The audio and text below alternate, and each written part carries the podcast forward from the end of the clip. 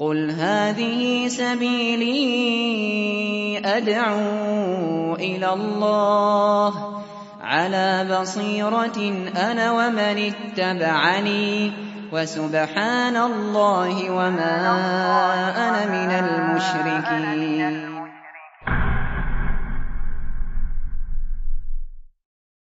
الحمد لله الذي هدانا لهذا وما كنا لنهتدي لولا أن هدانا الله لقد جاءت رسل ربنا بالحق ونودوا أن تلكم الجنة أورثتموها بما كنتم تعملون وأشهد أن لا إله إلا الله وحده لا شريك له وأشهد أن محمدا عبده ورسوله صلى الله عليه وعلى آله وأصحابه ومن تبعهم بإحسان إلى يوم الدين.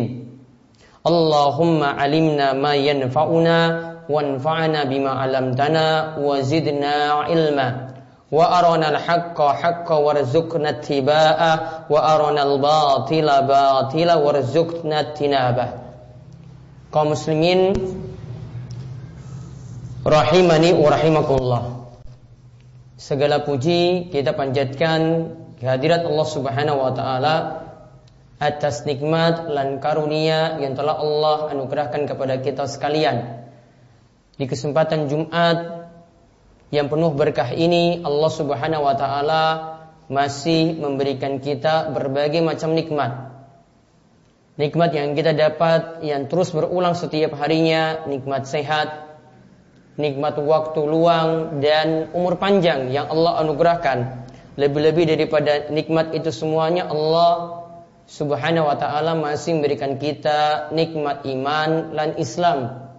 Dan ini adalah dua nikmat yang begitu besar dan sudah sepatutnya kita bersyukur kepada Allah Subhanahu wa taala mensyukuri nikmat-nikmat yang ada yaitu dengan menambah ketakwaan kita kepada Allah Subhanahu wa taala.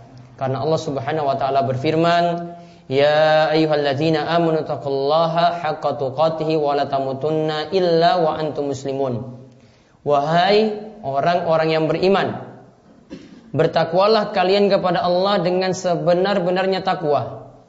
Dan janganlah kalian mati kecuali dalam keadaan beriman. Janganlah kalian itu mati kecuali dalam keadaan beriman. Maka dalam ayat ini kita diperintahkan untuk bertakwa kepada Allah dan terus menjaga ketakwaan kita sampai maut nantinya mengambil nyawa kita. Sampai nantinya Allah Subhanahu wa taala mencabut nyawa kita. Kemudian salawat dan salam semoga tercurah kepada junjungan kita, suri dan kita yang nanti akan memberikan kita syafaat pada hari kiamat. Beliau adalah penutup para nabi, dan menjadi syahidnya sayyidnya para nabi yaitu penghulu para nabi yaitu nabi besar kita Muhammad sallallahu alaihi wasallam begitu juga kepada para sahabat kepada istri-istri beliau yang tercinta dan juga kepada para tabi'in serta para ulama yang telah memberi contoh-contoh yang baik kepada kita sekalian. Ma'asyiral muslimin rahimani wa rahimakumullah.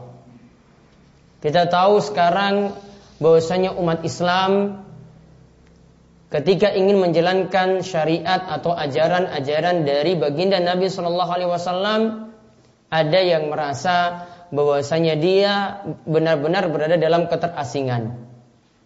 Contoh misalnya kita berada di tengah-tengah masyarakat kita ingin menjalankan ajaran-ajaran penting saja. Seperti ingin merutinkan untuk berjamaah di masjid, seperti seorang wanita ingin mengenakan jilbab, seperti seorang pria yang ingin mengikuti sunnah Nabi SAW memelihara jenggotnya misalnya, sampai pada bentuk akhlak yang mulia, memiliki sifat jujur. Ini akan terasa asing di tengah masyarakat kita yang ada. Benarlah memang kata Nabi Shallallahu Alaihi Wasallam ada hadis dari sahabat Abu Hurairah diriwayatkan oleh Imam Muslim.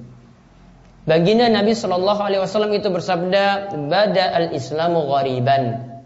Islam itu ketika datang dahulu itu dalam keadaan yang gharib. dalam keadaan yang asing.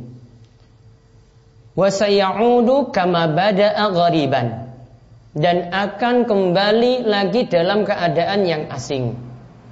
Fatuba lil ghuraba. Kata Nabi SAW, maka beruntunglah mereka yang berada dalam keterasingan. Maka beruntunglah orang-orang yang berada dalam keterasingan. Jadi kata Nabi SAW dalam hadis ini, Islam awalnya dulu mulai dalam keadaan yang asing. Asing di tengah masyarakat yang ada dahulu ketika Nabi SAW membawa ajaran ini. Lalu akan kembali lagi di zaman kita ini dalam keadaan keterasingan. Maka kata Nabi SAW, beruntunglah orang-orang yang hidup di tengah-tengah keterasingan. Ma'asyiral muslimin rahimani wa rahimakumullah. Di antara pemahaman dari hadis ini dikatakan oleh Al-Qadi Iyad. Al-Qadi Iyad itu mengatakan annal islama bada'a fi ahadi minan nas wa killatin. Bahwasanya Islam itu awalnya mulai dari segelintir orang saja. Dari jumlah yang sedikit. Thumma intashara wa zahara. Lalu Islam itu tersebar akhirnya semakin meluas summa sayalhaquhun naqsu wal ikhlal. Lama-lama Islam itu kembali lagi dalam keadaan surut. Hatta la yabqa illa fi ahadin wa killatin aidan kama bada'a. Kata Al-Qadi Iyad, lantas nanti Islam itu akan kembali lagi seperti asing lagi seperti dulu. Ya, kalau di sekarang ini jumlah umatnya itu yang banyak, namun ajarannya itu yang dikenal asing. Sama seperti awalnya Islam itu datang. Dikatakan oleh para ulama yang dimaksud di sini akan kembali dalam keadaan yang asing wasayaudu ghariban maksudnya adalah bikillatin mayakumu bih yaitu orang yang jalankan ajaran-ajaran Islam, menjalankan kewajiban-kewajiban saja sudah semakin sedikit. Wa yu'inu alai yang mau menolong agama Islam ini juga semakin sedikit. Wa in kana ahluhu kasiran. Walaupun jumlah pemeluk Islam itu begitu banyak. Walaupun jumlah pemeluk Islam itu begitu banyak. Maka kata Nabi SAW tadi fatuba lil ghuraba. Maka beruntunglah bagi orang-orang yang asing Kata para ulama yang dimaksudkan di sini ghuraba di antara maknanya di sini adalah al-qaimina bi amrihi. Yaitu mereka yang menjalankan benar-benar ajaran yang ada dalam agama ini. Salat diperhatikan. Begitu pula dengan akhlak-akhlak mulia yang dicontohkan oleh Nabi Shallallahu Alaihi Wasallam, mereka jalankan sebagaimana yang beliau ajarkan kepada kita. Begitu juga dengan ajaran-ajaran yang lainnya. Kemudian di sini juga disebutkan fatuba. Apa makna tuba di sini? Kata para ulama di antara maknanya adalah tuba di sini tafsirkan bil jannati wa bisyajaratin azimatin fiha. Tuba di sini maksudnya adalah surga. Atau kata para ulama katakan bahwasanya itu adalah pohon besar yang ada di dalam surga. Itu adalah pohon besar yang ada di dalam surga. Maka kalau kita lihat dalam hadis yang lainnya lagi akan dijelaskan tentang orang-orang yang terasing di sini. Disebutkan dalam hadis dari Abdurrahman bin Sannah bahwasanya ia pernah mendengar Nabi sallallahu alaihi wasallam itu bersabda seperti tadi, "Badal Islamu ghariban summa ya'udu ghariban kama bada'a, fatuba lil ghuraba." Islam itu awalnya mulai dalam keadaan asing dan akan kembali lagi dalam keadaan asing seperti awalnya dahulu maka beruntunglah orang-orang yang asing tersebut. Kemudian para sahabat bertanya pada Rasul Shallallahu Alaihi Wasallam, ya Rasulullah, wa manil ghuraba. Wahai Rasulullah, apa yang dimaksudkan dengan orang-orang yang asing? Wahai Rasulullah, apa yang dimaksudkan dengan orang-orang yang asing? Maka di sini dikatakan oleh Nabi SAW, alladzina yuslihuna idza fasadan nas. Yaitu orang yang mereka itu dalam keadaan soleh, dalam keadaan baik di tengah-tengah manusia yang sudah rusak. Jadi begitu banyak manusia yang rusak, mereka cuma sedikit orang saja yang berada dalam keadaan baik, mereka orang-orang yang soleh yang tinggal di tengah-tengah rusaknya umat saat ini. Mereka itu adalah orang-orang yang baik, orang-orang yang soleh.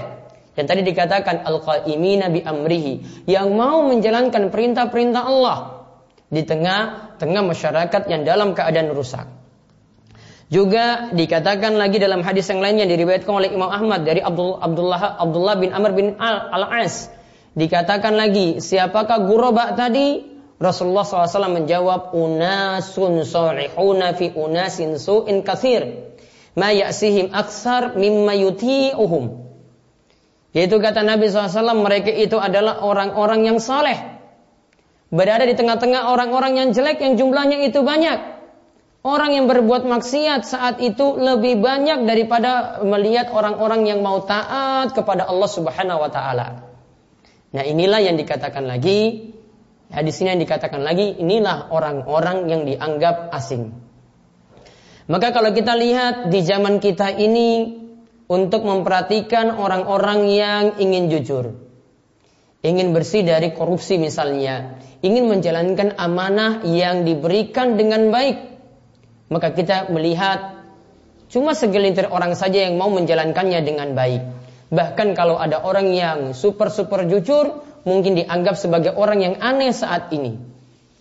Begitu juga kalau kita mau melihat pedagang yang jujur di zaman ini yang di mana Nabi Shallallahu Alaihi Wasallam itu katakan bahwasannya dari kejujuran itulah yang nanti membawa berkah. Itu juga kita akan melihat cuma dari segelintir pedagang saja yang mau jujur ketika mereka itu berdagang.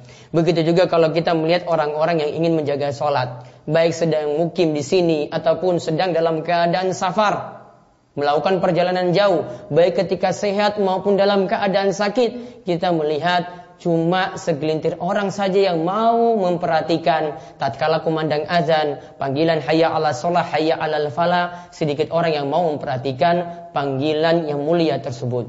Berarti berada di tengah-tengah keterasingan orang-orang yang mau menjalankan sholat. Sama halnya dengan orang yang ingin konsekuen dengan mengikuti ajaran baginda Nabi. Kian terasing dan dia akan memikul cobaan yang berat karena mendapatkan omongan sana sini sebagaimana yang disebutkan dalam hadis diriwayatkan oleh Imam Tirmizi. Hadisnya itu adalah Hasan. Anas bin Malik mengatakan Rasulullah Shallallahu Alaihi Wasallam bersabda yati ala nasi zamanun akan datang nanti suatu zaman. As-sabiru fihim ala dinihi. Di mana ada orang-orang yang sabar menjalankan agamanya. Dia bersabar untuk mengikuti ajaran Nabi Shallallahu Alaihi Wasallam. Kal qabidi alal jamuri yaitu seperti orang yang memegang bara api.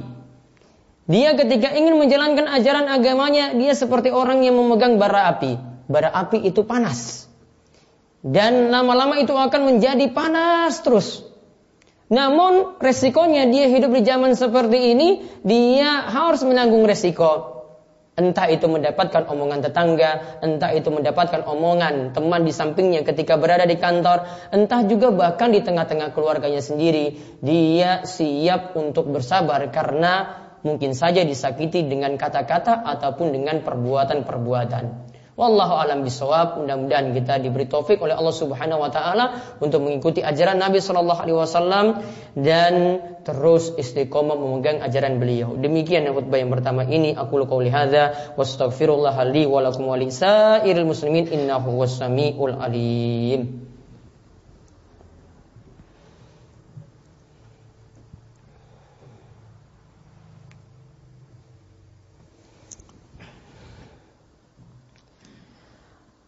Alhamdulillahirabbil alamin wassalatu wassalamu ala asyrafil anbiya wal mursalin nabiyina Muhammadin wa ala alihi wa ashabihi ajmain. Amma ba'du ma'asyiral muslimin rahimani wa rahimakumullah.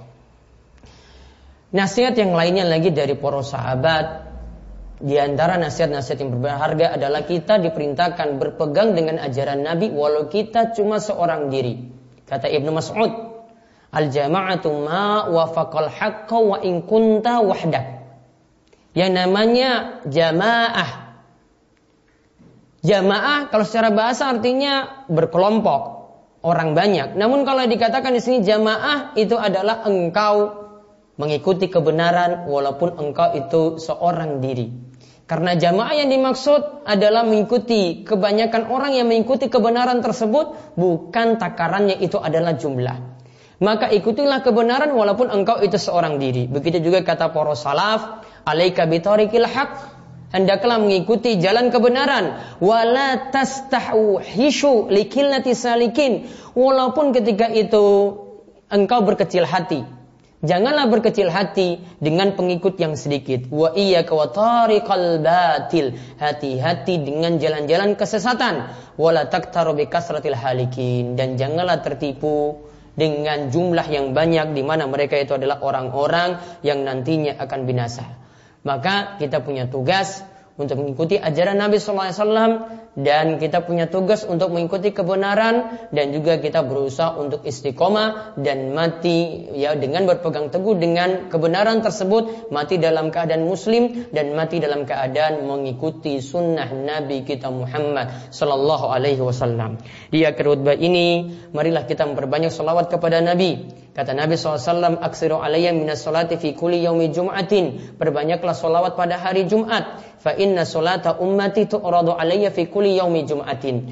Karena solawat dari umatku itu akan di hadapkan kepadaku pada setiap hari Jumat. Faman kana aktsaruhum alayya salatan kana aqrabahum minni manzilatan. Siapa yang paling banyak berselawat kepadaku kata Nabi SAW, dialah yang paling dekat denganku nantinya pada hari kiamat. Innallaha wa malaikatahu yusholluna 'alan nabi ya ayyuhalladzina amanu sallu alaihi wa sallimu taslima. Allahumma salli ala Muhammad wa ala ali Muhammad kama shallaita ala Ibrahim wa ala ali Ibrahim innaka Hamidum Hamidum Majid.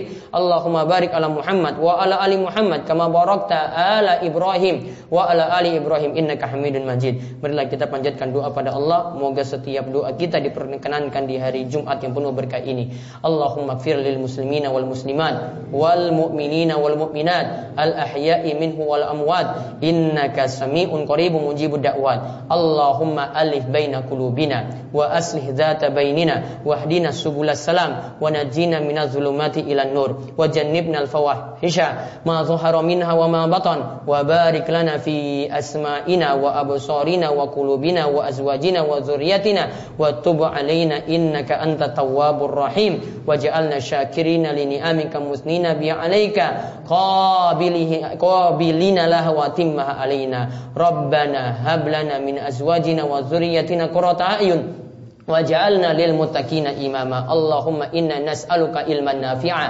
wa rizqan tayyiba wa amalan mutaqabbala. Rabbana atina fid dunya hasana wa fil akhirati hasana wa qina adzabannar. Wa sallallahu ala nabiyyina Muhammadin wa ala alihi wa sahbihi wa man tabi'ahum bi ihsanin ila yaumiddin. Wa akhiru da'wana anil hamdulillahi rabbil alamin. Aqimus shalah Nah itulah video-video dari Solin TV dukung Darus Solihin dan jangan lupa subscribe videonya biar mendapatkan ingatan terus setiap hari.